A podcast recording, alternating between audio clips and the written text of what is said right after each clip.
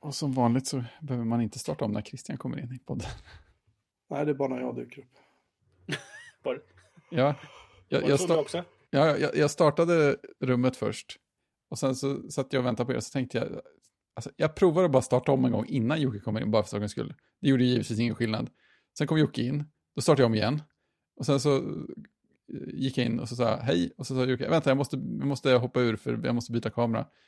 Och när han kom tillbaka in så hörde han såklart mig inte, så jag fick starta om en gång till. Men eh, annars är det bra. Ja, jag var ju lite då förutseende att jag ändrade ju ljudkälla då direkt nu då. Så att, eh, Fantastiskt. Ja, men jag hade ju bra gärna velat förstå hur det här hänger ihop. Jag har en person Nej. som alltid måste... jag, jag måste komma in efter för att jag ska höras. Men annars är allt... ja, precis. Och jag eh, måste ändra ljudkälla som att den inte fattar att den ska skicka ljudet via mikrofonen. Ja, just det. Utan jag måste göra det manuellt. Just det. Vilket är sjukt störigt eftersom att sen glömmer jag ju bort den tillbaka. Så när jag startar en... Eh, när jag startar någon ljudvideo så... Vad är det låter någonstans? Jag har mina lurar. Det låter som jag inte har på mig. Ja, Ditt, ditt, ditt ljud laggar kan jag säga. Har ditt, uh, har ditt bredband ballat ur igen? Eller är det ditt? Och din, och din kamera är i dålig kvalitet. Nej, den har jättebra kvalitet. Nu är den bra. ja, den återhämtade sig. Den hade en liten dipp i bandbredd såg det ut som. Dreamer out to my ass. Nej, jag har 110. 113 ner. Så ser vi upp nu då.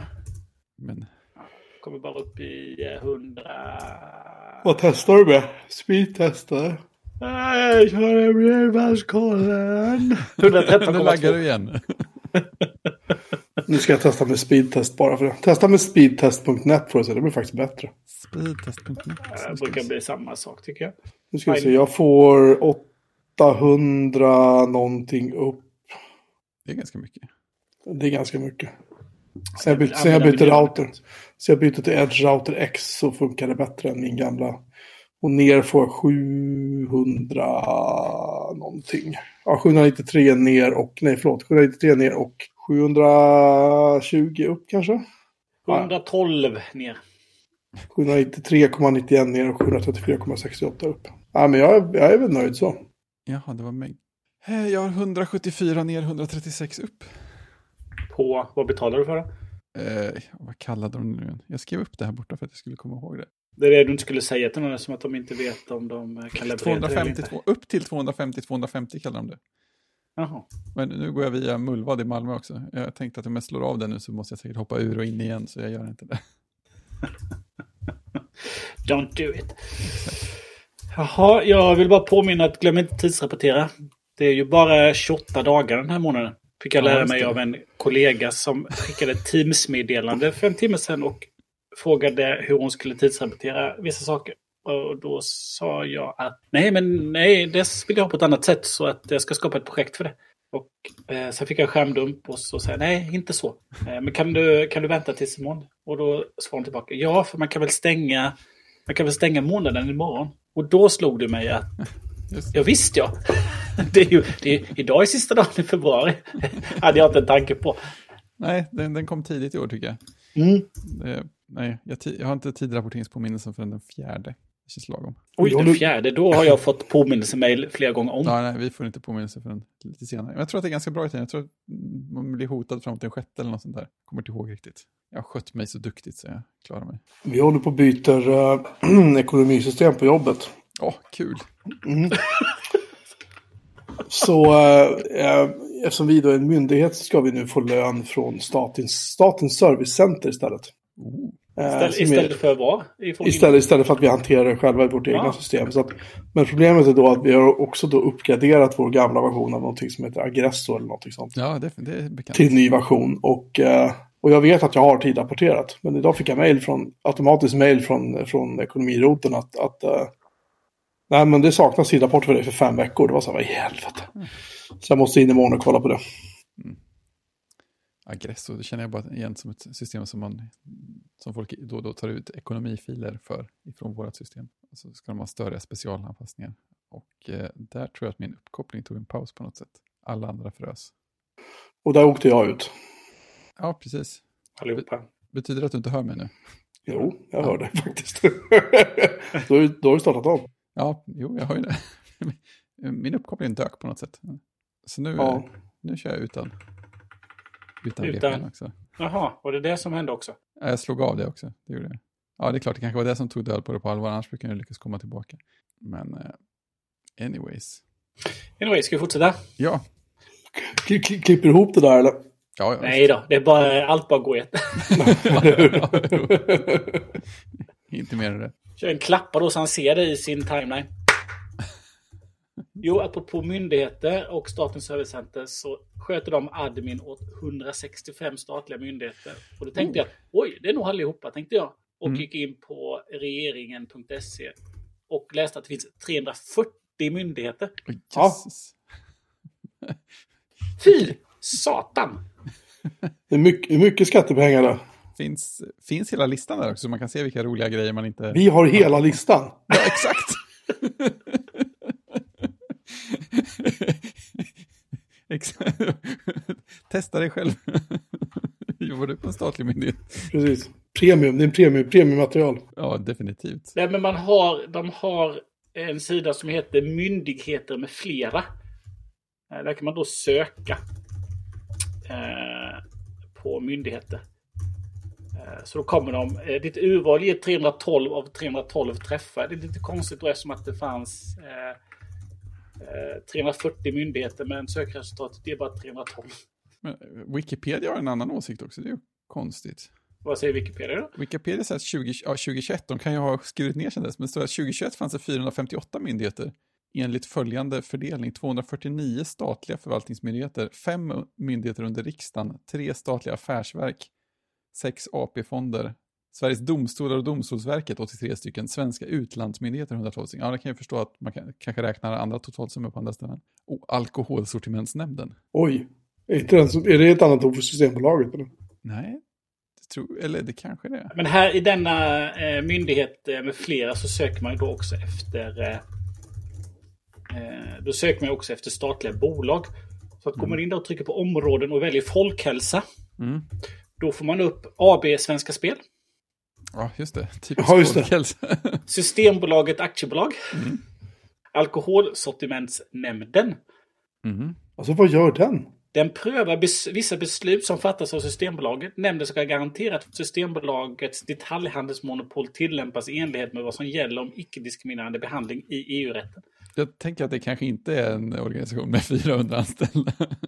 Ja, säg inte det. nej, det, nej, det ska man... Forum för levande historia, det låter också som en stor organisation.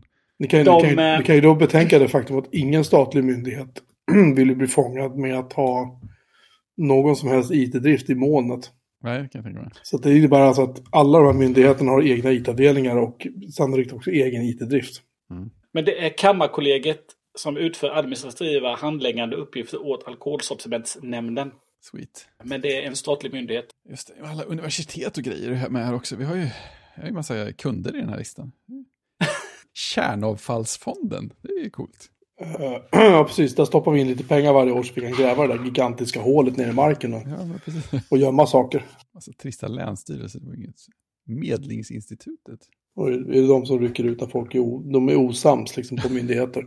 Då kommer Medlingsinstitutet och säger app, app, sätter vi oss ner, pratar igenom det här. Precis. Han var dum. Han var dum först. Nordiska Afrikainstitutet. Är det en myndighet? Ja, eh, nämnden för styrelserepresentationsfrågor. De har nog tyvärr mycket. Oljekrisnämnden.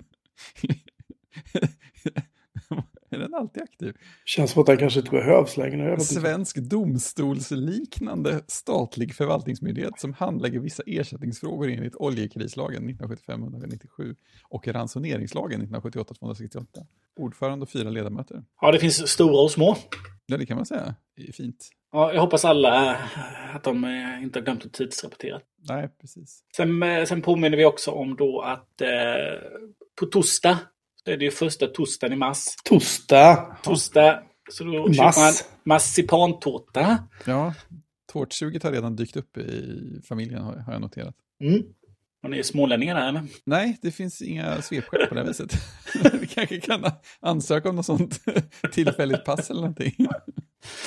Ta, ta en tur till Landvetter imorgon och se om man kan lösa någonting. Nej, men jag kan skicka ett... Eh, jag kan skicka en, en, en lapp att ni har undantag. Ja, ja men det är Ja. bra. det, det känns skönt, det ska jag framföra. Det kommer att tas emot väl. Härligt. Ja, Uh, Jocke, kan inte du berätta om eh, att du ska ut och flyga? Ja, på tal om det. ehm, jag ska åka ner till Berlin i juni för en liten weekend. nice. Och jag har nog aldrig bokat en flygbiljett själv förrän idag. Oväntat. Sista gången jag åkte någonstans utomlands så var det faktiskt till Berlin, men det var med min förra fru. Så hon, och det var en överraskning, så hon skötte liksom allt det där. Men jag har förstått att saker och ting har förändrats lite sen, sen, uh, sen jag flög sist. Där fick jag då bland annat att kryssa i idag då. Ja, du ska ha handbagage med dig. Ah, det kostar extra, så du. Om det inte är någonting du kan lägga under sätet framför dig, Just det. vilket jag inte kommer att kunna. och då stort handbagage, ja då får du boka till. Ska du checka in bagage, oj oj oj, då blir det 400 spänn till liksom. Ja. Eh, och så där höll det på. Det var, det var liksom... Sen var jag tvungen att kolla om jag hade ett pass som var giltigt och det har jag faktiskt tack och lov. Jag vet inte om man behöver ha det när man flyger till Tyskland men det är kanske är lika bra. Ja, du behöver ju problemet med det där då eh, som jag har stört mig på väldigt länge. Det är ju då... att- Du, du som reser regelbundet till Tyskland. Nej, det gör jag inte. Sist jag reste med flyg var när jag reste till jobbet faktiskt. Och då bokade jag inte heller flygbiljett själv. Eh, eh, Men eh, vi gick ju med i Schengen.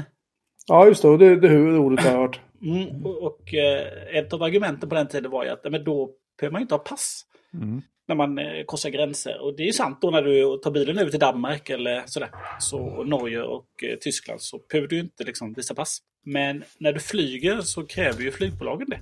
Mm.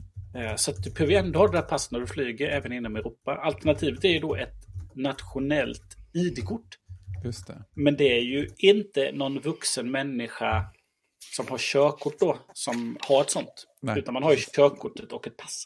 De som kanske inte då har körkort som behöver ett ID-kort, de har ju såklart ett, om de är smarta då, skaffar ju ett nationellt ID-kort så är de ju liksom home safe. Just det. Så det här att, eh, att vi i Sverige då har Trafikverket numera då som utfärdar körkorten och polisen som utfärdar nationella ID-kort. Istället som i vissa andra länder då i Europa att ja men det där är nog samma sak. Mm.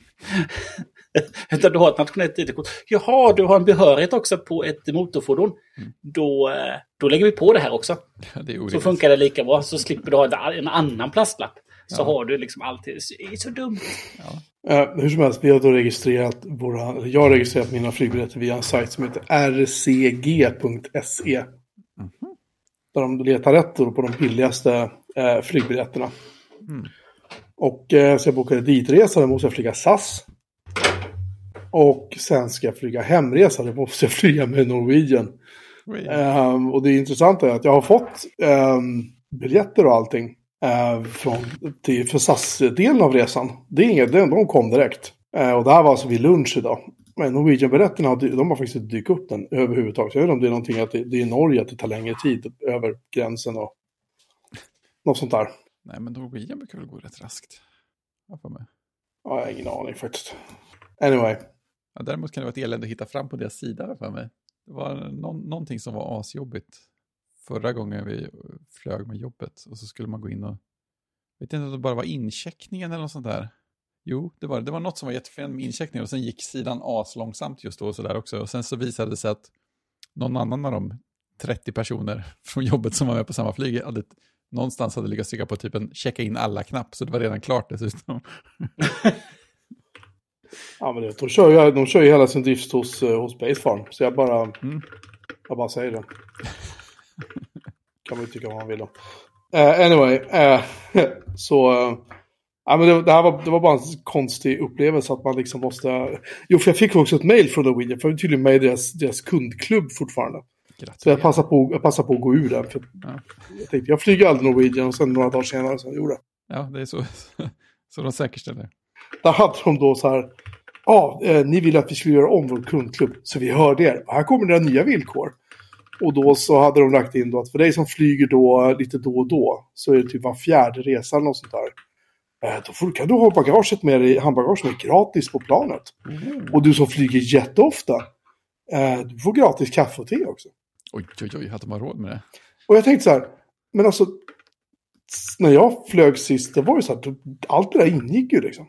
Mm, det var Så det är uppenbart så att det, är, det måste ju vara hårda tider för flygbranschen nu. Som de verkligen... ja, Det, det, är- ett jävla under att man får sitta ner på planet överhuvudtaget. ja, eller, eller får liksom köpa sig en biljett. Ja, till och med det. Jaha, du, Du ska checka in, ja men det är en avgift på det sa du. Jaha, du ska stå i kö till säkerhetskontroll. Jaha, det sliter på golvet sa du. Nej, det blir inga av med det. Nej, men det, är- hela flygupplevelsen är så förvånande sopig hela vägen. Det hade ju kunnat vara, det hade kunnat vara liksom trevligt och behagligt att flyga på något sätt. Men Vill du kasta pengar på problem så är det säkert Ja, inte jo. svårt. Men, men alltså, och så, samtidigt är det så här, visst jag skulle kunna tänka så här, ja, men jag kan ju åka tåg till Berlin då. Mm, det tar ju tag. Ja.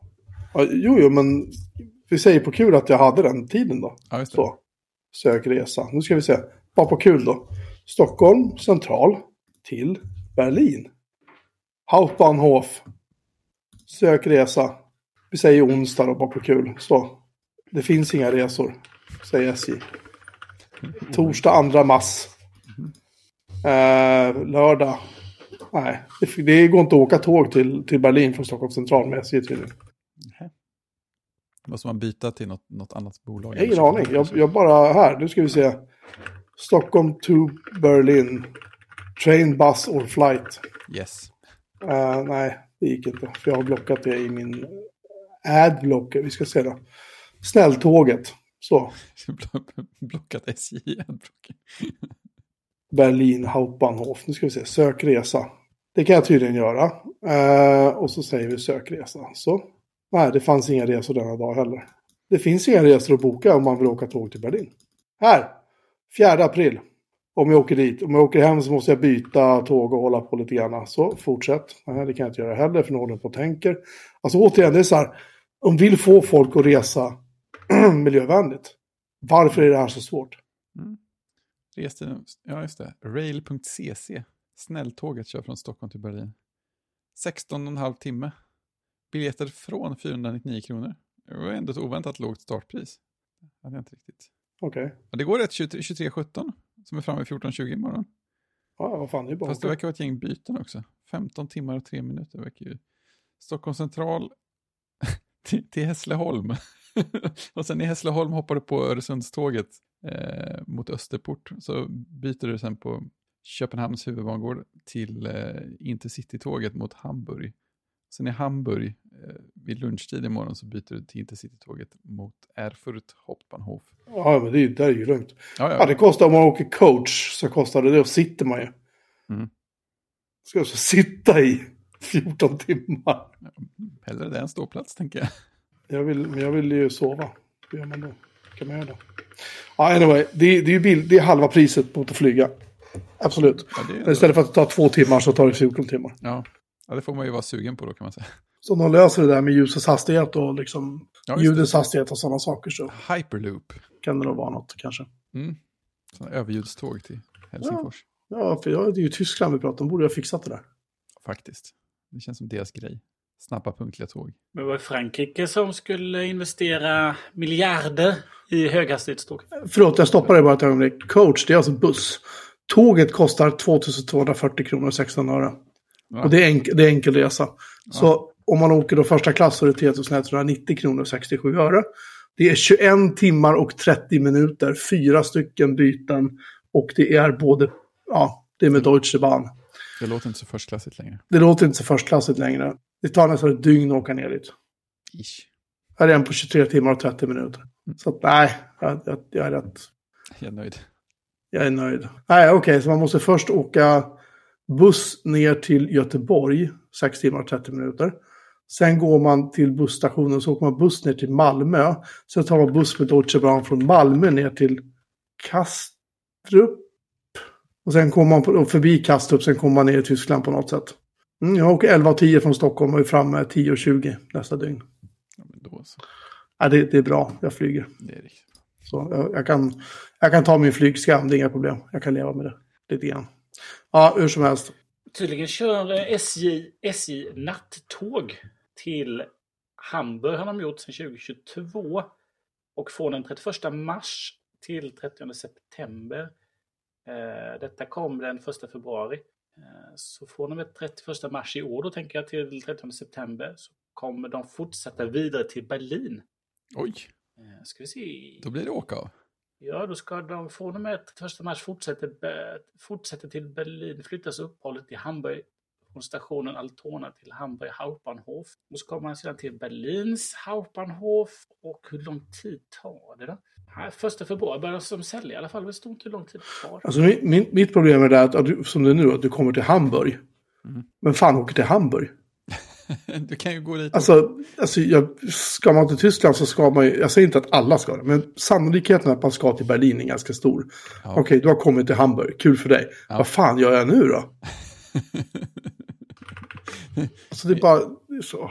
Är det inte i Hamburg du går på miniatyr Wunderland? Det kanske är. Det finns mässor i Berlin. Nej, men nu kör de ju då eh, eh nattåget 31 mars. Då går det mars. Eh, mars Berlin från Stockholm. Ja, ja. Samtidigt anses snälltåget som kör samma sträcka till villkoren orättvisa. Ja, det, det, kan jag tänka mig. Det är det de pysslar med. Vad skulle de annars anse?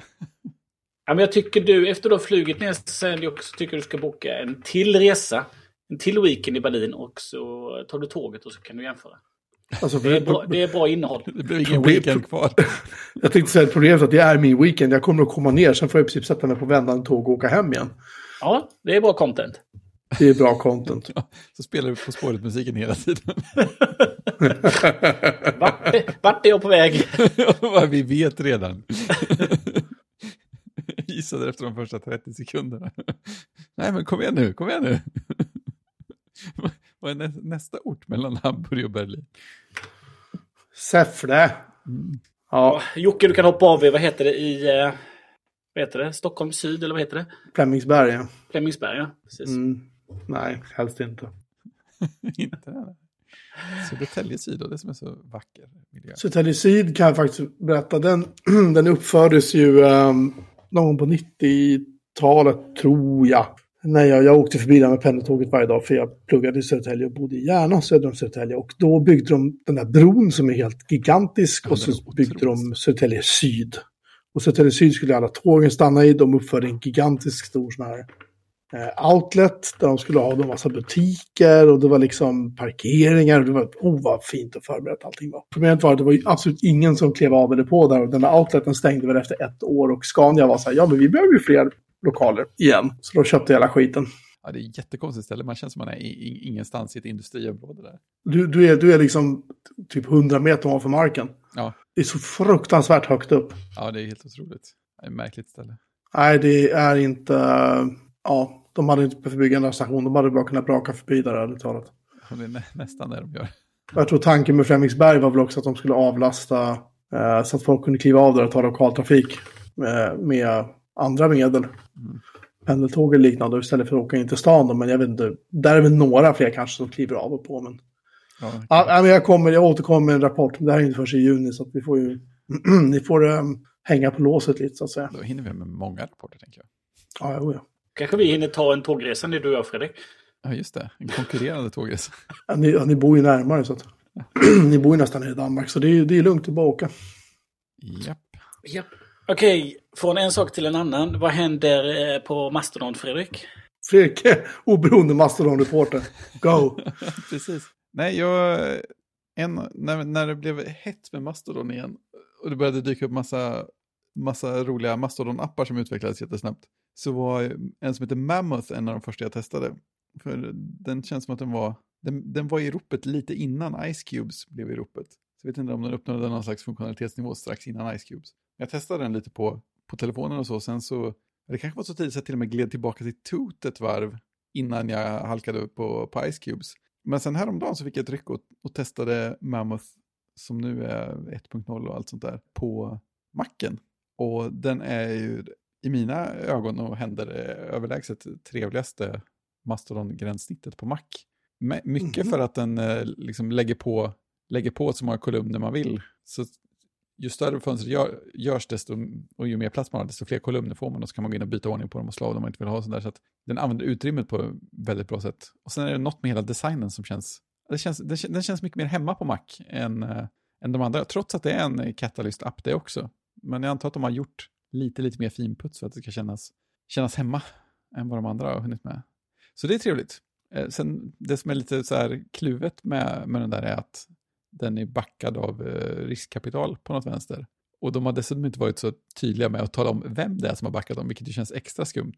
min kompis Kristoffer sa att han hade hört någonstans att det var typ eh, Mark Zuckerbergs frus investeringsfond eller något var en av investerarna. Det känns ju sådär. Speciellt ihop med att de eh, pushar sin egen Mastodon-instans också för att göra en, en, kunna göra en enklare onboarding-upplevelse. Alltså man jättelätt kan hamna på moth.social. Eh, så det är lite så här halv, halvmystiskt. Men sen så har de faktiskt sagt rakt ut nu att Mozilla är en av de stora backarna och det känns i alla fall lite bättre. Det är roligt. Ja, ja så att, ja, men värd, värd att prova. Även om det känns konstigt med en riskkapitalklient. Man tänker, är det någonting som skulle försöka bygga någon slags inlåsningseffekt så är det någon som känner att riskkapitalisterna vill ha pengarna tillbaka om ett tag. Måste ha stora utdelningar. Ja, precis. Så nu så kan man bara gå på vår instans och där kommer vi eh, trycka in annonser också. I... Ja, men lite så. Lite så. Ja, men det kan vara specialfinesser för er som är på samma instans. Och sådär. kan gå hur som helst. Men just nu är det trevligt. Vi... Den är fin, härlig och lekfull. Ja, det är en väldigt glad eh, elefantikon faktiskt. Jag, jag, jag gillar den för oväntat mycket. Ja, jag väntar på eh, att Papput ska komma som mastodontklient. Ja, eller hur? Mastodontklienten för barn. ja, men sådär jättepoppis i snäva skikt i Sverige och ingen annanstans i hela världen. Fattar inte. Var det något vi sa? Apropå... Uh... Bolibompa.social kanske? oh. en egen instans för Papput, ja. Nu ja. snackar vi. Oj, oj, oj. Punkt social är ganska dyra, va? Ja, jag tror de är lite dyrare. Och jag skulle inte förvåna mig att de höjde, om de höjer priset nu. Ja, det känns som att det har gått rätt många social-domäner. Ja. Spänningen är oerhört. Men apropå, apropå Mastodon så... Oh, Bolibompa.social är ledig. Oj, vad kostar den? Eh, årlig förnyelse är 37 dollar, men eh, just nu är det rea så att du får, får, får första året för eh, 10 dollar. Ja, oh, Melin.social är ledig, 10 dollar också. Eh, sen kan man också köpa bolibompa.com för 5 745 dollar. Oj, oj, oj. Är synd bara, synd bara att jag måste flytta min instans igen. Nej, jag orkar inte. Nej. Det blir inga av med det. Bolibompa.me kan man registrera också. det känns nästan konstigt. Varför har de inte .bompa som TLD för? Just det, bolli.bompa. ja. ja det någon, om det bara är någon som vill bli registrerad för den så går det. Var SVT själva? Ja, men exakt. Nej, men det jag tänkte säga var apropå eh, Mastodon så Flipboard. Kommer ni ihåg den där appen? Ja, jag tänkte säga, kommer ni ihåg den appen när man använder den flitigt? Jag använde den aldrig flitigt, men jag använde den glatt några gånger. Ja, jag använde Nej, den. Jag kommer inte ens ihåg vad var det för någonting. Ja, men det var en sån som du tog ditt flöde och gjorde det till en fin flipp. Så du ja, kan bläddra på som... Eh, iPaden. Det var jättefin när den kom ju. Ja, som en tidning. Aldrig alltså, ja. Men det var den där looken och känslan som man tänkte sig att tidningar skulle kunna ha i framtiden om alla liksom gjorde bra iPad-appar. Ja. Eh, och det gjorde de ju inte de, utan de la ju bara in pdf då. Eh. De som man brukar säga toksket i det.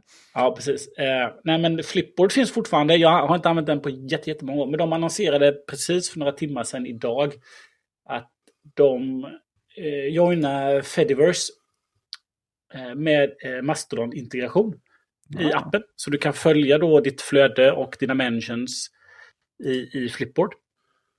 Och sen har de också startat en egen instans, flipboard.social.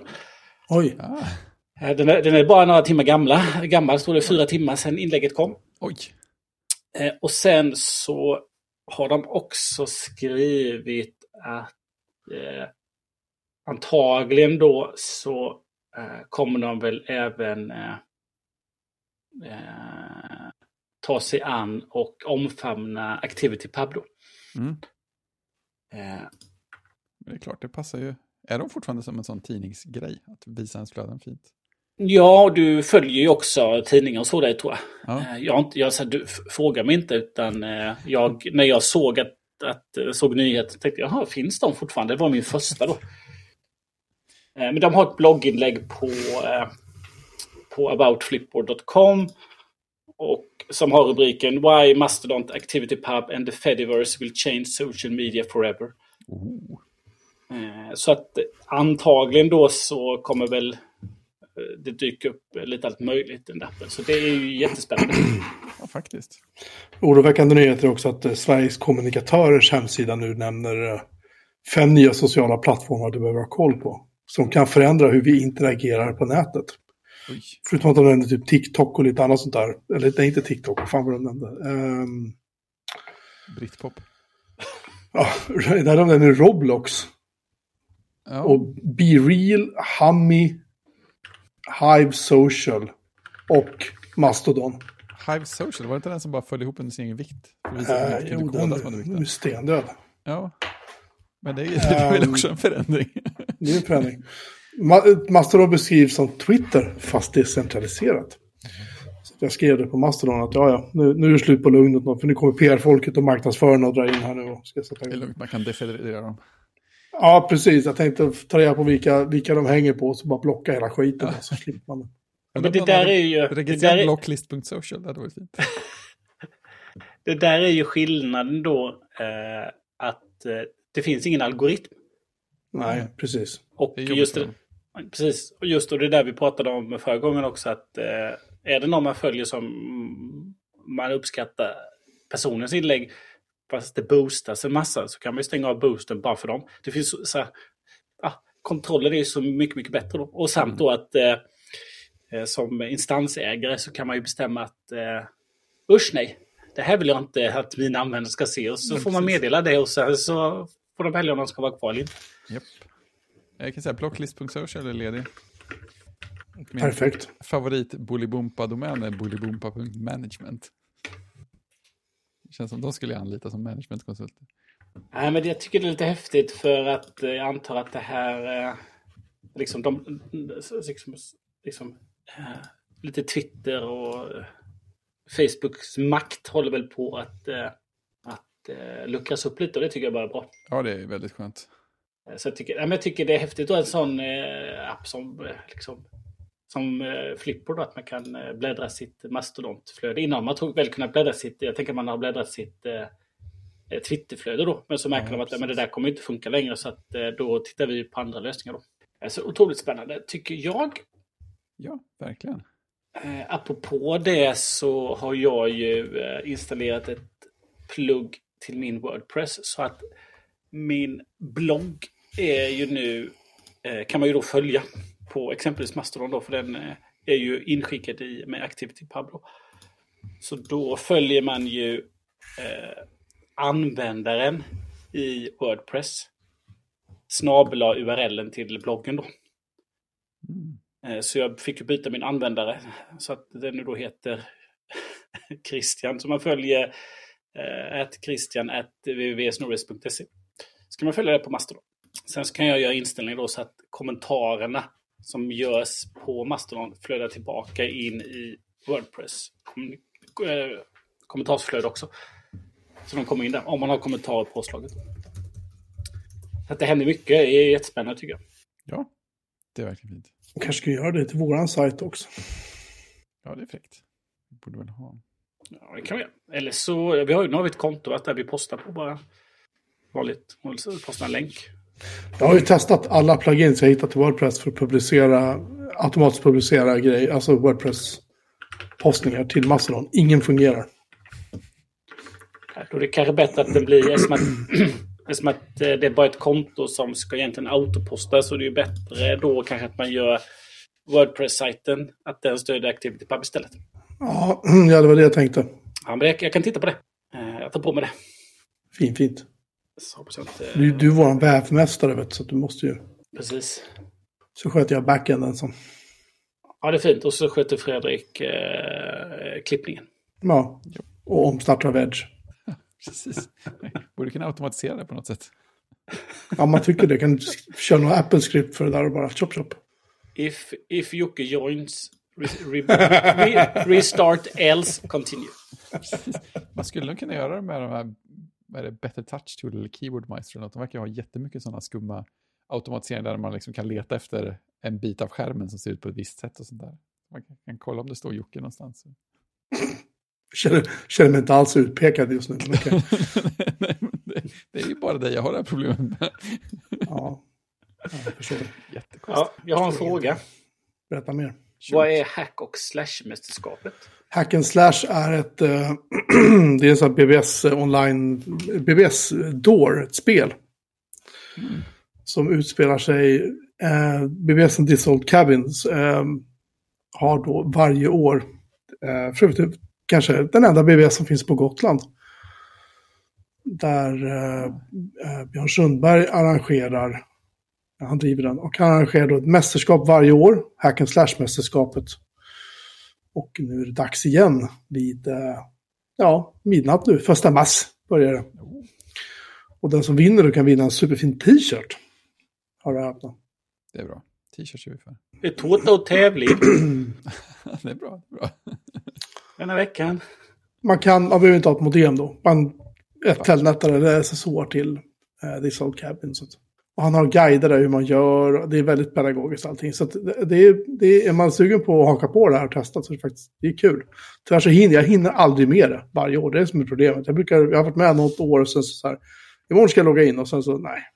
Men det är så Så, så glömmer jag bort det. hur du är inloggad, du gör någonting eh, varje dag under, under... Jag tror att du behöver logga in varje dag. Ja, för det pågår ju hela mars månad. Ja. Och det är, det är flera stycken som är med i det här varje år. Det är skitkul faktiskt. Så jag rekommenderar eh, varmt att de som är intresserade av det här ska ta en titt. Länkar i show note. Jo, yes. Oj, oj. Här var det mycket manualer och grejer. Ja, han har, han har producerat jättemycket guider och så här gör du och liksom kom igång. Och... Det rekommenderas. Så de som vinner det där, de spelar det ganska intensivt ett par dagar. Eh, ja, ja. Ja, det här är ju fullt allvar. Mm. Jo, det förstår jag. Nej, vad störigt. Det där... Det där Ska vi starta om igen eller vad är det? Nej, nej, men jag klickade på länken i, i, i eh, tårtan, i ARK. Eh, och då öppnar den, den öppnar den i någon slags popover istället för en ny flik. Mhm. Måste man trycka på, nej, det var kopiera länk. Måste man gå till, ja just det, man fick trycka på helskärmsknappen. Då, då poppar den över. Eh, Ja, kanske. Kanske bra i och för sig. Ja, mm, nu förstår jag hur de tänker. Ja, kan vara okej. Det börjar bli lite, några stycken ARK-användare i kodsnackslacken ibland, så det kommer, kommer frågor då och då om funktioner som jag inte ens visste fanns. Som att man kan få någon slags minispelare nere i hörnet när man lyssnar på musik och, och sånt i ARK. The Ark. The Ark. Just det, man lyssnar på The Ark. Då får man en liten musikspelare. Eller ja, man måste ha en musikspelare för att lyssna på The Ark. Omvänd ordning på det. Ja, nu är det blodsockerdags. Ja, jag sa ju förra veckan eh, att min Apple Watch hade... Ja, Jäklars. Den har ju börjat ge upp. Jag har ju faktiskt inte gjort en fabriksåterställning än, så att eh, den är haptiklös fortfarande. Mm. Eh, och eh, sen har jag pling på då, på, på, oftast på, på, på eftermiddagar då. Det beror på hur intensivt, hur intensivt ni eh, smsar, då kan jag stänga av det ibland. Alternativt, det. ja, alternativt om Teams väljer ibland att eh, den inte fattar att eh, den inte ska skicka någonting på klockan utan eh, jag sitter vid datorn och sitter i Teams men varenda meddelande kommer sen hela tiden på klockan också. Tror inte att det är team som har dödat din klocka? då? Nej, jag tror inte. Just det, vibrerat ihjäl den. Mhm. Den dog på, på sportlovet och då var jag ju i stort sett offline. Jaha, den dog abstinens. Ja, men jag fick i eh, vår Slack-kanal eh, fick jag från Remaster som tipsade om eh, blodsockeralamerande smartklockor. Ja, Om jag inte Mhm. hade ett billigare, alternativ- Eh, så då hade hans fru eh, en Garmin-klocka. Och Då var det, och det är alltid trevligt. Garmin är ju liksom mm, pulsklockornas pulsklocka. Träningsklockornas träningsklocka är deras eh, riktigt grymma, dyra modeller. Men då, då hade hon en, eh, en Vivo Active 4. Och en sån, då får man, nu ska ni få en länk då till den. Eh, den får man då betala eh, 2 5 för. Mhm. Och då har den då pulsmätning med handleden. Det finns ju eh, det finns andningsregistrering, det finns stressregistrering, det finns sömnövervakning. Så det, liksom, det finns eh, syremättnad i, i blodet. Så att, liksom, den har ju ganska mycket, precis som Apple Watchen har. Men det den också har då är ju batteritid upp till åtta dagar i smartwatch-läge. Och upp till sex timmar i GPS-läge då. Så att springer du en, eh, springer du ett, ett maraton så, så klarar den sig då. Kör du en, eh, kör du en lång triathlon så klarar den inte. Då. Eh, men så det är lite spännande att... Eh, och så kan du köra Spotify eller Deezer eh, och sådär. Och eh, Garmin Pay finns, så du kan ha kontaktlösa betalning. Garmin Pay. Ja, Garmin Pay. Eh, du, kan, eh, du kan få ha Garmin Coach om man är löptränare på handleden. Och så, så, så att eh, de har ju ganska mycket de här, eh, de här klassiska pulsklockotillverkarna numera. Jag vet inte hur det ser ut eh, på Polarsidan. Jag har ingen aning om det för jag vet ingen som använder det längre. Men, eh, Men det kommer inte bli så då, utan det kommer bli en, eh, det kommer bli en Apple Watch. Någon gång. No, ja, ja, ja. Helt plötsligt. Men kul att det även då Dexcom finns till Garmin. Ja, det är coolt. Att sånt kommer, tycker jag. Men du har alltså inte köpt någon klocka ännu? Eh, nej, jag har, den, är, den är på. Den är på. Den gamla är på än så länge. Okay. Jag lovar att berätta när jag köpte klocka. är det säkert det? Ja, det är säkert. Till skillnad från dig då som besitter på en eh, studiodisplay utan att ha sagt någonting. Ja, jag menar det. det är, ta, något, ta något avsnitt när det är tråkigt. Känns som att man ska visa upp det först när vi kommer ner så. ja, han har två stycken på... Precis. På som Steven, Steven Hackett. Ja. Jag gjorde ju så här trick i uh, loopback för att få för att använda dem som högtalare dessutom. Ja, har ett stereopar av studiodisplay. Det är där du, det är, där du är också, vi vet det. Ja. Däremot någon som är uppe med sina köp, eh, Jocke, det är du som, eh, som kämpar med din eh, iPhone 14. Um, ehm, ja, typ så. Ja, men, eh, nu har jag haft den en vecka och eh, initiala intrycket är att den är ju inte mycket snabbare än min 12 mini. Skärmen känns lite krispare, vad säger man? Alltså lite mera bara... Mm. Man säger precis så. Ja, lite mer, det är lite mer stund på något sätt. Även om det ska vara samma panel och det ska ju vara samma upplösning och typ. Och ja, sådär.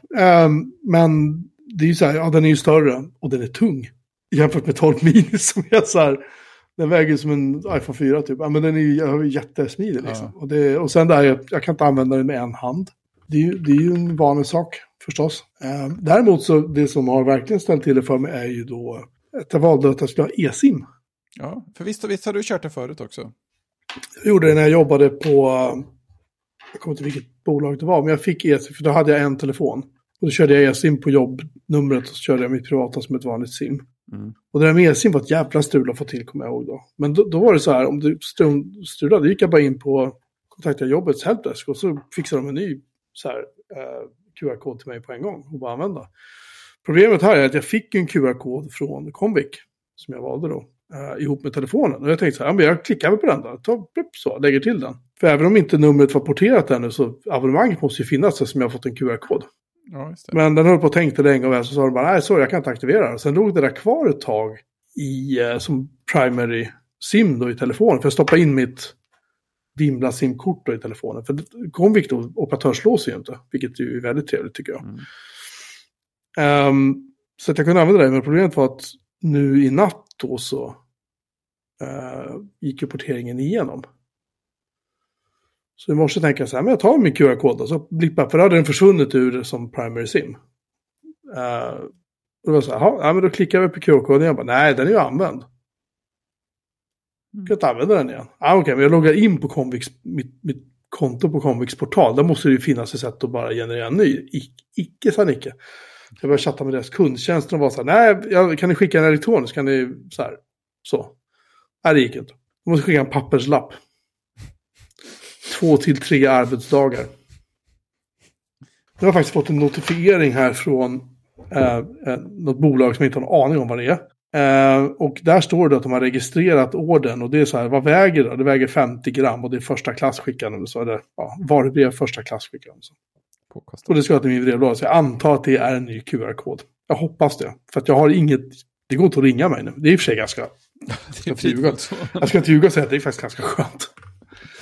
Eh, men det är lite opraktiskt när man typ sitter i bilen och vill lyssna på poddar och sådär. Ja, så det, det, är mer, det är mer, jag blir så förbannad med andra operatörer vet att de kan ju bara, här har du en ny QR-kod. Pang! Det går att göra liksom. Men det är inte Comic.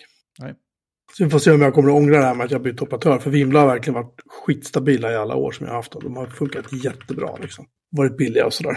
Men jag kunde liksom inte casha en ny iPhone 14 för vad de nu kostar. 12 000 spänn eller vad det är. Liksom. Så, men äh, telefonen annars, jag är nöjd med den. den kameran är, är, är, trevlig, helt klart. Liksom. Jag har ju inte testat den jättemycket. Jag inte gjort. Och äh, sagt, skärmen är jättetrevlig och den är snabb och responsiv. Face ID känns snabbare. BankID känns lite snabbare. Så små saker liksom. Där som man alltid känner när man köper en ny iPhone. Det, är någon, det, är li, det här lite så här, det är lite mm. snabbigare liksom. Ja, om man går tillbaka skulle man känna skillnad. Då kommer jag garanterat känna skillnad. Mm. Och sen var jag faktiskt förvånad över att jag, för jag köpte ju min iPhone 12 Mini ifrån Swappy. Ja, just det. Så jag gick in på deras sajter och kollade, vad får jag för en iPhone 12 Mini där? Det var faktiskt Ja, det är lite mer än hälften vad jag betalade för en ny för ja, 18 månader sedan typ. Mm. Eller ny, den var ju begagnad redan då. Men. Så jag ska skicka in den till dem. Det kommer något paket från dem imorgon som man kan lägga telefonen i och skicka in den. Och så ska de väl titta på den och konstatera att jo, men den är väl schysst. Och så får jag pengar. Så slipper jag sälja Tradera eller Blocket eller något sånt där trams. Jag orkar inte med det. Och Christian vill ju inte köpa den så att jag... Exakt. Nu såg han lite så här, hmm, nej just det. Jag har ju företagstelefon endast. Ja, just det. Det är ganska skönt. Jag har faktiskt jag har funderat på att ta simkortet från min jobbtelefon och stoppa in i min privata. Men då får jag inte Teams, jobbteamsen. Det kan ju i och för sig vara skönt på sitt sätt. Men det är rätt skönt att ha Teams telefon när man är ute och springer i huset när man på jobbet exempelvis. Mm. Anyway, så att liksom, det är så att telefonen tumme upp, kom vi... Äh. Mm. Deras eh, chatt var i och för sig väldigt snabb och responsiv, och, eh, alltså när jag chattade med dem, deras supporter liksom. Och, och fick snabbt hjälp och sådär. Så, så det, det var väl tumme upp i sig. Då, liksom. Och jag var klantig nog som försökte aktivera den utan att jag hade... För jag tänkte lite grann, ska jag göra det här? Liksom. Det stod ingenstans att jag inte skulle göra det. Jag tänkte, ja men jag prövar då. För jag blev ivrig. Jo, kul om man får paket som står gör det inte högst upp istället för design by Apple i Kalifornien. typ så. Ja, eh, sen kan jag rapportera att eh, boken om Drakar och Demoner från, eh, eh, vad heter de nu igen? Fria Ligan? Nej, inte, är det Fria Ligan? Det känns Nej. som att de som ligger bakom alla sådana där. Nej, Fandrake kanske det Fandrake heter de, tack. De, um, den är nu efter ett år sedan jag förbokade den. Nu är den på väg ut till förköparna nu, bara på, bara på mars. Mm. På mars. Första boken i mars. Första boken i mars så ska det komma, så nu har jag, då kommer jag ha alla tre. Då har jag Äventyrsspelsboken, Mutantboken och Drakar och Demoner-boken. Sen vet inte om jag kommer att köpa mera Fandrake-böcker på ett tag, för de är väldigt dyra nu för tiden. Men de är väldigt fina. Och Nisse Gulliksson-boken köpte jag också. Ja, jag, har, jag har typ allt nu. Jag fick förklara eh, Drakar och Demoner för min tioårige son idag. Ja. Vi satt åt middag. Vi började prata om det här med rollspel. Han bara, men eh, vad, vadå, var det pixligt? Alltså nej, alltså, det, det, var inget dataspel alls. Du satt bara med böcker och papper och så satt jag och berättade vad som hände. Och så beskrev jag liksom så här ett, ett påhittat scenario, hur det fungerade när man spelar rollspel. Och han såg ut som att han förstod absolut ingenting. Så tog jag fram boken om äventyrsspel och så visade jag liksom. Och tog fram regelböckerna och visade så här såg det ut liksom. Och så, det är ju skithäftigt liksom. Så det stämmer, det är skithäftigt. Men det är det faktiskt. Alltså, tyvärr så kommer det där, ja, det finns säkert de som fortfarande spelar. Jag önskar att jag hade tid. Ja, jag önskar att jag kunde hitta ett gäng och spela med. Det hade varit jättekul liksom. Ja, men exakt. Men, uh, ja, vi får väl se. Någon gång när man blir gammal kanske. Ja, precis. Starta en rollspelspodd. Ja, jag undrar om inte det finns redan, men jo. det vore ju för sig spännande. Vet inte om det finns så många svenskar. Jo, det finns säkert någon. Det finns men säkert. Ingen som du är mig. Nej, nej jag, nej, jag ska inte hålla på med det. Det tar bara... jag har inte tid. nej, det är den svåra biten. Faktiskt. Sen så är det tydligen så att Apples egna 5G-modem, för de som kan dras till minnes så köpte ju Apple Intels modemtillverkning. Så var det, av alla grejer att lägga beslag Fan var det två år sedan typ? Det var länge sedan. Det var länge sedan. Uh, och då så, Eh, och alla var så här, vad ska hända nu? Och sen hände ju ingenting. Så som vanligt när Apple köper så blir det ju knappt tyst. Men det var väl rätt uppenbart att de ville ju gärna frigöra sig från eh, Qualcomm då. Så mycket det bara går. Eh, och nu ryktas det då om att deras egna 5G-modem för iPhone ska troligen, troligen vara redo för iPhone 15. Så får vi väl se hur det går, om det blir eh, elände eller om det blir bra. De vill ju inte gärna slarva när de gör en sån grej, kan jag tänka mig. Nej, tråkigt att få problem med modem i telefon. Lite så. Ja, faktiskt mest jobbigt. Ja, det var väl det. Nu ska Christian berätta om uh, mitt nätverksproblem. Nätverkshörnan med Christian eh, Ås eh, Grävsjö. Ja, det är konstigt att den kommer från mig. Ja, faktiskt. jag, har ju varit, jag har ju varit väldigt nöjd med min, eh, min Unified Dream Router. Som, det var ju tips, jag kommer inte ihåg vem som tipsade om den i Slacken. Den var ju, kom ju på sån här beta. Ja, just det. Så var det. Sån här, man köpte den och så fick man ju inte prata om den. Ja, just det. Det var så till och med. Ja, precis. Man, eh, liksom, man köpte den ju billigt och så var det ju en betaversion kan man säga. Och eh, allt kan ändras. Eh, ja. Eh, och så fick man ju liksom inte prata om det. Då. Eh, så då köpte den, kostade en tusing då. Mm. Tror jag. Så då köpte jag den och eh, den har ju fungerat klockrent och inte varit något strul. Jag har ju auto-uppdateringar på allt. Mm. Så det enda jag ställde in sen på den då eh, var ju satt på, jag har satt på att den blockar, har en sån här content-block, sån här automatiskt då. Då blockar den ju eh, eh, vuxna sajter och sådär som den tycker att det här ska, ska försvinna. Då kan man ställa in eh, work och family. Så då har jag ställt på work. För när jag ställer in den på family så eh, blockades Wikipedia, tror jag det var. Det håller ju inte. Vad är det Jätte, jag tror det var Wikipedia, jag inte kommer åt. Jättekonstigt. Sen står på work, har fungerat väldigt bra. Eh, sen satte jag på... Eh, sen satte jag nog på att sätta upp några suspekta länder i sån här... eh, Att den blockar trafik, inkommande trafik från de länderna. Typ Mm. Ryssland och sådär.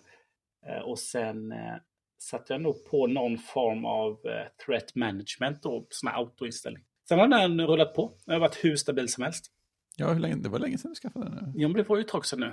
Minst ett år, va? Ja, jag kommer faktiskt inte ihåg. Det är nog ett år sedan ungefär. Under coronan så gick en av mina... Jag hade ju två stycken gamla eh, Apple Extreme. De, inte de här höga utan de här Alltså, gamla Airport Extreme. jag. Airport Extreme. Mm. Ja. Med, eh, små antenner i då, eftersom att de inte var de höga. En sån gav vi upp under coviden, så då fick jag koppla in den andra och sen köpte jag den här då. Eh, Men nu uppdaterade den sig till tre, eh, OS då eh, eh, i den. 3.0.17. Och jag, tänkte, jag har inte tänkt så mycket på det, för det händer ju bara. eh, Och jag är sällan inne i de inställningarna. Eh, Men jag märkte att eh, när jag klev in genom ytterdörren så tändes inte lampan i entrén. Och där sitter, där sitter en IKEA-plafond som är kopplad till en Hue-sensor via HomeKit. Då. Hue! Där sitter, automatiseringen sitter i, Hue, eller i HomeKit. Så det slutade fungera. Eh, Och så tänkte jag, men jag bytte ju precis det batteriet, så konstigt. Eh, Eller först tänkte jag att ja, det är någon som varit och knäppt av på väggen, men det var det inte. Ja, just det. Det kan det vara. Och sen tänkte jag inte mer på det. Eh, och sen så störde jag mig på det någon annan dag igen när jag kom hem och det var mörkt. Så då gick jag in och tittade i eh, HomeKit och såg att ja, det är vissa som inte svarar. Då brukar det ju räcka med att resetta liksom, appen och så startar man om den och så brukar det komma då. Men det gjorde det inte. Då såg jag att jaha, men alla mina IKEA-enheter är offline. Och det är lampan i entrén, plafonden, en likadan när man tar trappan ner och kommer ner till källaren. Sitter en sån som också går på sensor från eh, Philips. Och sen så tror jag det är tre stycken lampor i, eh, i armaturen över matbordet. Så matbordslampan sitter det tre ljuskällor i. Det är IKEA. Plus eh, ett uttag Eh, som är i garaget. Där jag förr hade motorvärmare till en annan bil. Men nu har det kopplat till en ljusslinga som har hängt där under sedan i december. Okej, men då går vi och starta om Ikea Gatewayen. Jag är den första gatewayen. Det har man ju hört att folk som har problem med Ikea, som bara kör Ikea, liksom har fått starta om dem. I, i tidigare... I liksom tidigare... Jag har aldrig behövt starta om min. Jag är likadan. Ja, precis. Men jag tror det var eh, när den precis kom, var ganska tidig, var det många som fick starta om den. Så hoppade den igång igen. Mm, då strular de lite grann, va? Ja. Eh, Men det hände ju ingenting. Och då tänkte jag att ja, men då tar jag bort kopplingen och så kopplar jag bara på den igen. Då. Så då tar jag bort kopplingen till HomeKit. Och sen gick det inte att koppla på. Överhuvudtaget. Mm. Eh, Så då tänkte jag, ja men nu är det någonting som är lite konstigt. Och då startade jag om. Då startade jag nog säkert om min, min router. Det hände ju ingenting då heller. Och samtidigt då så fick jag ju problem att komma åt eh, min egen hemsida. Snowrace.se samt grevjour.se. Och de ligger på webbhotellet så ligger delar de server då. Eh, går mot samma IP-nummer. Sen har jag några andra domäner som går mot andra då. Och det fungerar hur bra som helst. Eh, jättekonstigt. Däremot så kommer jag ju åt den på mobilen uppkopplad på samma nätverk, samma wifi. Så då tänkte jag, men vad konstigt. Så jag, gjorde, jag pratade med och gjorde en massa pingar och sådär. Och eh, jag hörde till och med om till en kollega som kör samma internetleverantör. Nej, det funkar jättebra sen. Ja, då konstaterade ju Jocke då att ja, men då är det ju din router. Det måste det vara. Men även att mobilen kommer till jättekonstigt. Eh, men eh, jag fokuserade på Ikea då. Eh, och så tog jag hem, jag tog faktiskt hem en, eh, som att jag inte har några nätverks... Jag har inga uttag på min... Jag orkar inte bära ner min, min iMac ner. Jag har inget nätverkståg uppe. Så jag tar hem en liten, eh, jag tar hem en liten docka från jobbet som låg där. Eh, och kopplade rätt in i eh, modermodemet från nätverksleverantören. Och då kom jag åt allting då. Så okej, vi måste lösa routern då. Så då, då tänkte jag först, ja, men jag har ju, antingen ska jag ju, eh, kan ju fabriksåterställa den då. Men då är jag tillbaka på ett gammalt OS antagligen tänkte jag. Så behöver jag ju liksom ta mig upp igen då. Eh, så att jag, jag testade att börja stänga av lite funktioner. Men det, liksom, det hände ju, funkade ju inte. Det blev ju ingen skillnad. Nej. Så jag tänkte jag har väl bara den, eh, jag har väl bara den vägen då. Så då hade jag planerat det och göra det nu till helgen. Och då la jag ett inlägg i, eh, i deras community. Eh, För det finns en tråd där då. Det skapas upp en automatisk tråd. För det är åtta dagar sedan nu som de uppgraderar till 3.17. Och då skrev jag det att det är, det är många som har lite sådana här små problem. Och då skrev jag att eh, min eh, Ikea trådfri gateway slutade liksom connecta mot HomeKit. Fram till att jag inte kunde komma åt två stycken liksom, sajter som ligger på liksom, samma server och det går pingar om så. Eh, och då var det en som svarade, ja men jag har samma problem. Eh, inte mina sajter då. Men den här personen då hade ju fått ta bort allt vad skydd heter då och alla sajtblockare då och starta om ett par gånger. och så hoppade det igång igen då. Kul. Så att eh, jag gjorde ju det, plockade bort allt jag hade eh, och körde eh, liksom körde reboot, jag körde reboot sen på eh, trådfri och eh, jag gjorde nog två olika rebooter tror jag på Dreamroutern och sen då så kom jag åt mina sajter. Och så backade jag tillbaka eh, Eh, jag backade också tillbaka till en, inste, en backup på själva settings som var före 3.17 då. Så att liksom, hade jag varit inne och gjort någonting så eh, sen den kom då eh, i någon inställning så visste jag att ja, men då har jag de exakt de inställningar som var innan då. Eh, och det hjälpte ju inte heller då så visste jag att men då är det någonting med OS som har gjort det. Eh, men så allt avstängt är avstängt nu då. Och så har jag inte slått på det ändå än. Så då kom jag åt det. Eh, sen när jag skulle koppla på min, eh, tänkte jag, men vad bra, nu kan måste jag kunna connecta Ikeas gateway ändå till HomeKit. Eh, så in då i, det står ju på tv-bänken och under där så är ju Apple TV, Ikea-hubben och eh, Hue-hubben ligger under då. Och där låg ju de eh, upp och nervända då alltihop. Så att jag är inne och skannar den där lilla HomeKit-siffrorna. Och så funkar det inte. Jag bara, vad konstigt. Resetta den igen.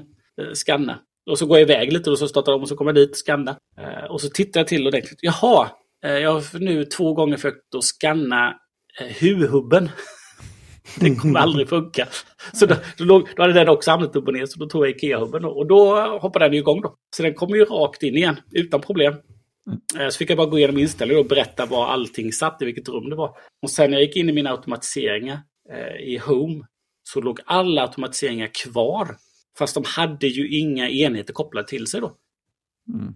Så jag har ju automatiseringar exempelvis här uppe i hallen där jag har min, min dator. Då, då har jag ju... Eh, ja men den här eh, är inte trångt men i hallen då. Där låg ju alla. Och där har jag ju tre automatiseringar. Så på morgonen så har jag ett ljus under dagen då. Från liksom klockan sju och till kvällen.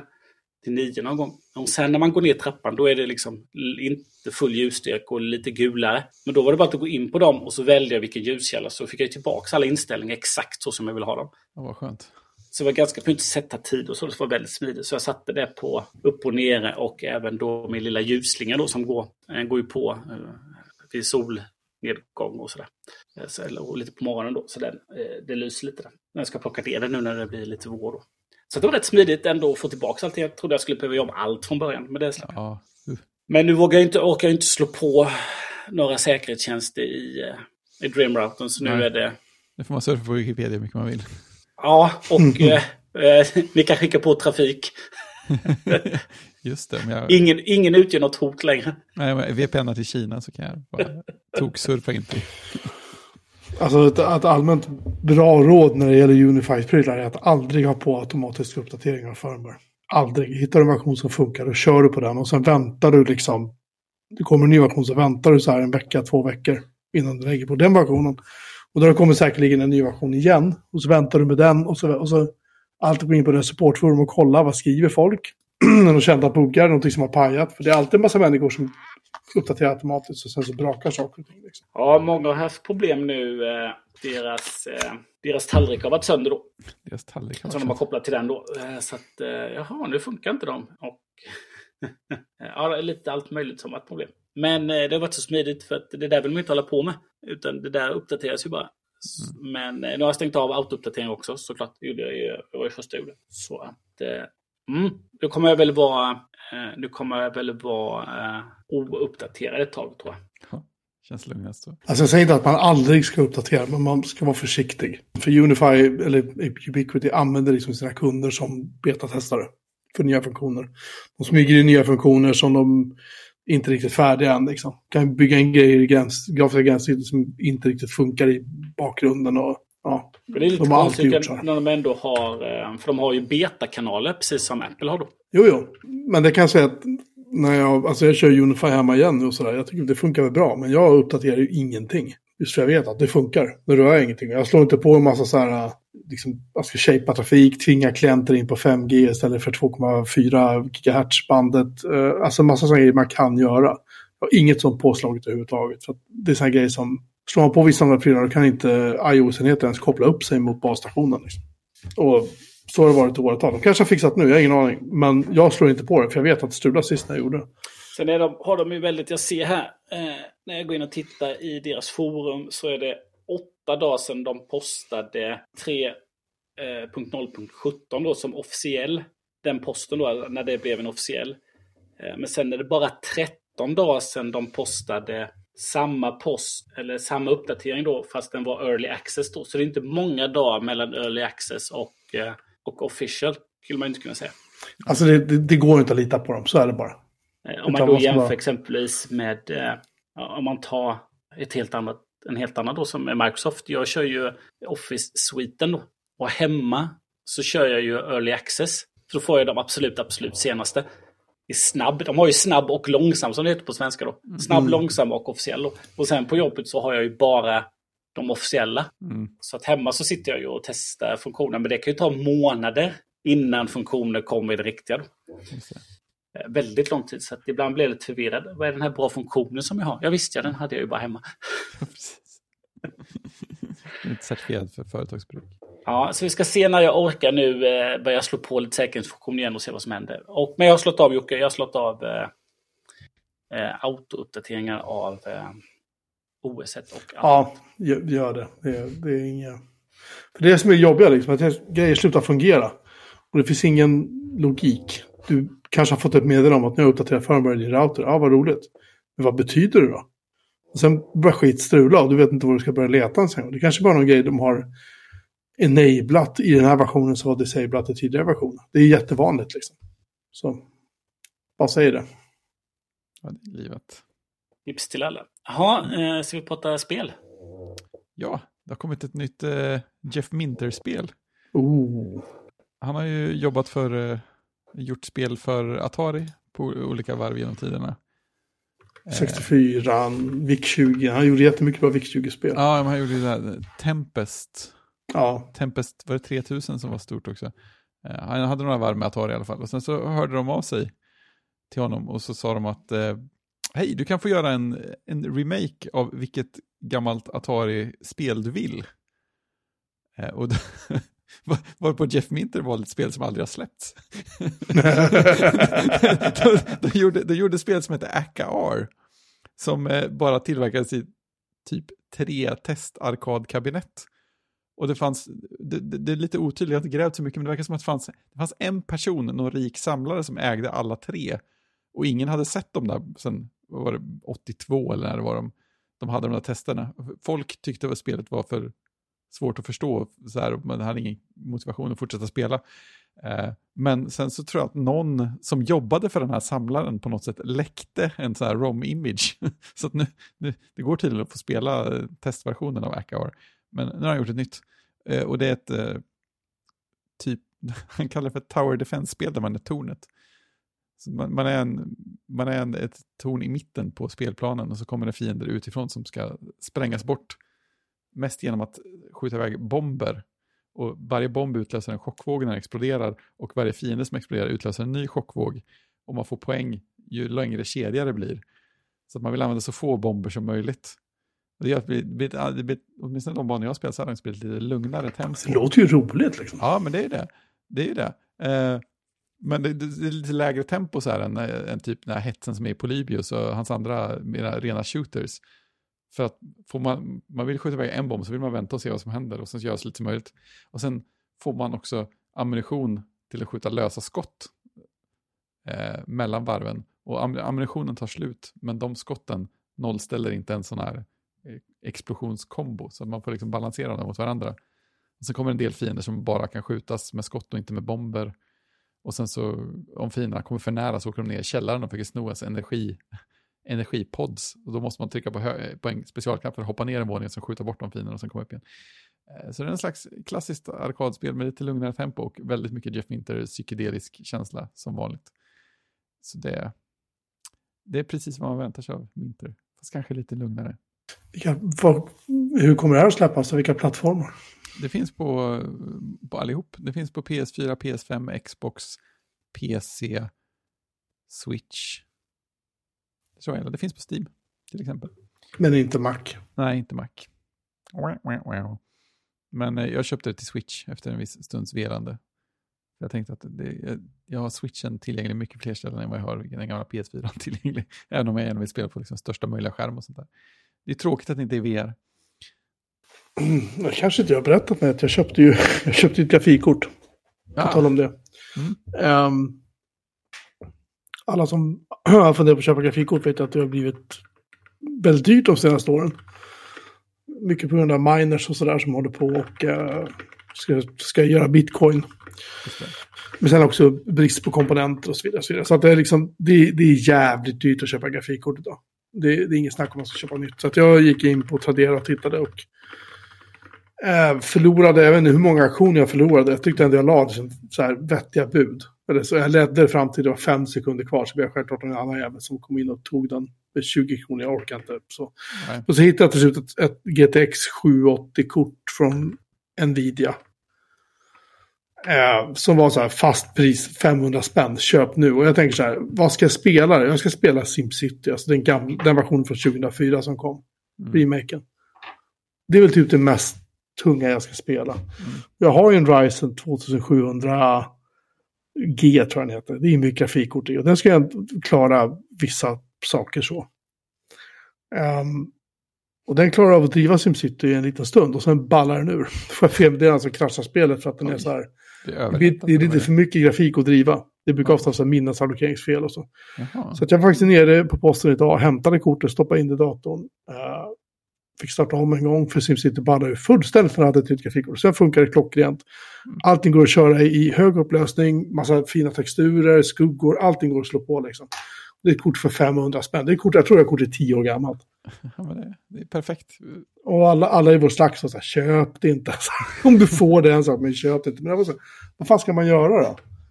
Ja, men precis. Och fyller det behovet så är det bara att bara köra på. Alltså det var ju det, jag ska, jag ska inte sitta och spela nya avancerade. Kanske spelar Battlefield 3 på sin höjd. Liksom. Det är ju skitgammalt. Mm. Så att nej, jag, jag, jag är jätteglad. Ja, Quake 3. Quake 3, definitivt, ja, det kommer definitivt att funka bra på den här. Det är ingen snack om det. Det är fint. Ja, men det bra. Eh, mer min tur i världen. Jag läste en lång trevlig intervju med honom och Giles också. Det var skoj. Mhm. Jag, jag tror att man hade velat höra den i oklippt liksom, poddform för att han, eh, intervjuaren skrev att de hade genomfört hela intervjun sittande på eh, Jeffs och Giles eh, curry place, det indiska stället i den där byn där de bor. Det som de alltid brukade twittra om att de var på väg dit, typ varje kväll kändes som. Först var det en massa så här, får och lama klappande och sen var de alltid på the curry place och åt mat. Så att, det, det, det är tydligen, hela intervjun var tydligen band, bandad där. Så att han sa att ni vill inte ha med de här bitarna emellan. Så, jag satt och tänkte, jo, det vill jag. Jag vill, jag vill höra hela diskussionen. så det är fint. Jag pratade massor om spelet och spelhistoria och massa andra roliga saker. Lång och bra text, den ska vi länka. Ja, gör det. Den vill jag titta på. Och eh, Jeff finns på uh, Mastodon också, så det är bra.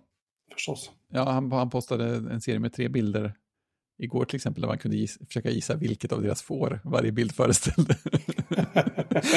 Man, fick se, man fick typ se en närbild på det här pälsiga huvudet. Så fanns, det olika grejer. Som man, sen har han skrivit en jättelång beskrivning i alt-texten på bilden som både förklarade så vad det var man såg och vilka kännetecken det var och vilket får det innebar att det var. Så kan man lära sig saker. Folkbildning. Ja, han är så säregen. Fan, han måste ju typ vara 60-70 bast. Ja, jag, tror, jag tror de skrev att han var 60 nu. Ja, han säger att han kommer fortsätta göra spel tills han dör. Och eh, han gjorde något spel till Xbox som heter Space Giraffe. Ja. Eh, och hans, hans dröm just nu är tydligen att, att, göra, att dra upp så mycket pengar på andra grejer så att han kan göra Space Giraffe i VR. För det, det är liksom det nuvarande så här mål, målet. Att det, det är, Space Giraffe 2 då, såklart, i VR. Tänker jag att det låter bra. Jag, jag är för. Sätt igång. Jag tycker det är fantastiskt att han kan livnära sig på det med tanke på hur, eh, hur, hur konstiga liksom, spel han, Ja, han gör. Liksom. ja men precis. Och att han liksom fortfarande kan... Att han får göra saker och ting. Liksom. Mm. Ja, det är rätt häftigt. Och folk bara köper det. Och speltillverkare, eller spel, alltså de som publicerar spel, de är så här liksom... ja, ja, vi tar det bara. Skitsamma. Släpp, döp, döp det till vad du vill. Gör vad fan du vill. Ja, Ja, det kan ha lamor i. Så. ja det, det, det har lamor i. Det, Ja. you don't get a choice. Ja, nej, jag tycker det är rätt häftigt. Mm. En av de där få sista säregna liksom, Precis. uh, spelutvecklarna som fortfarande finns. Liksom. Ja, det är fantastiskt. Bra punkt att avsluta med. Ja, eh, vi tackar för uppmärksamheten denna kväll och eh, bjuder er välkomna åter om en vecka. Ha det bra allihopa och uh, tjing! Tjing!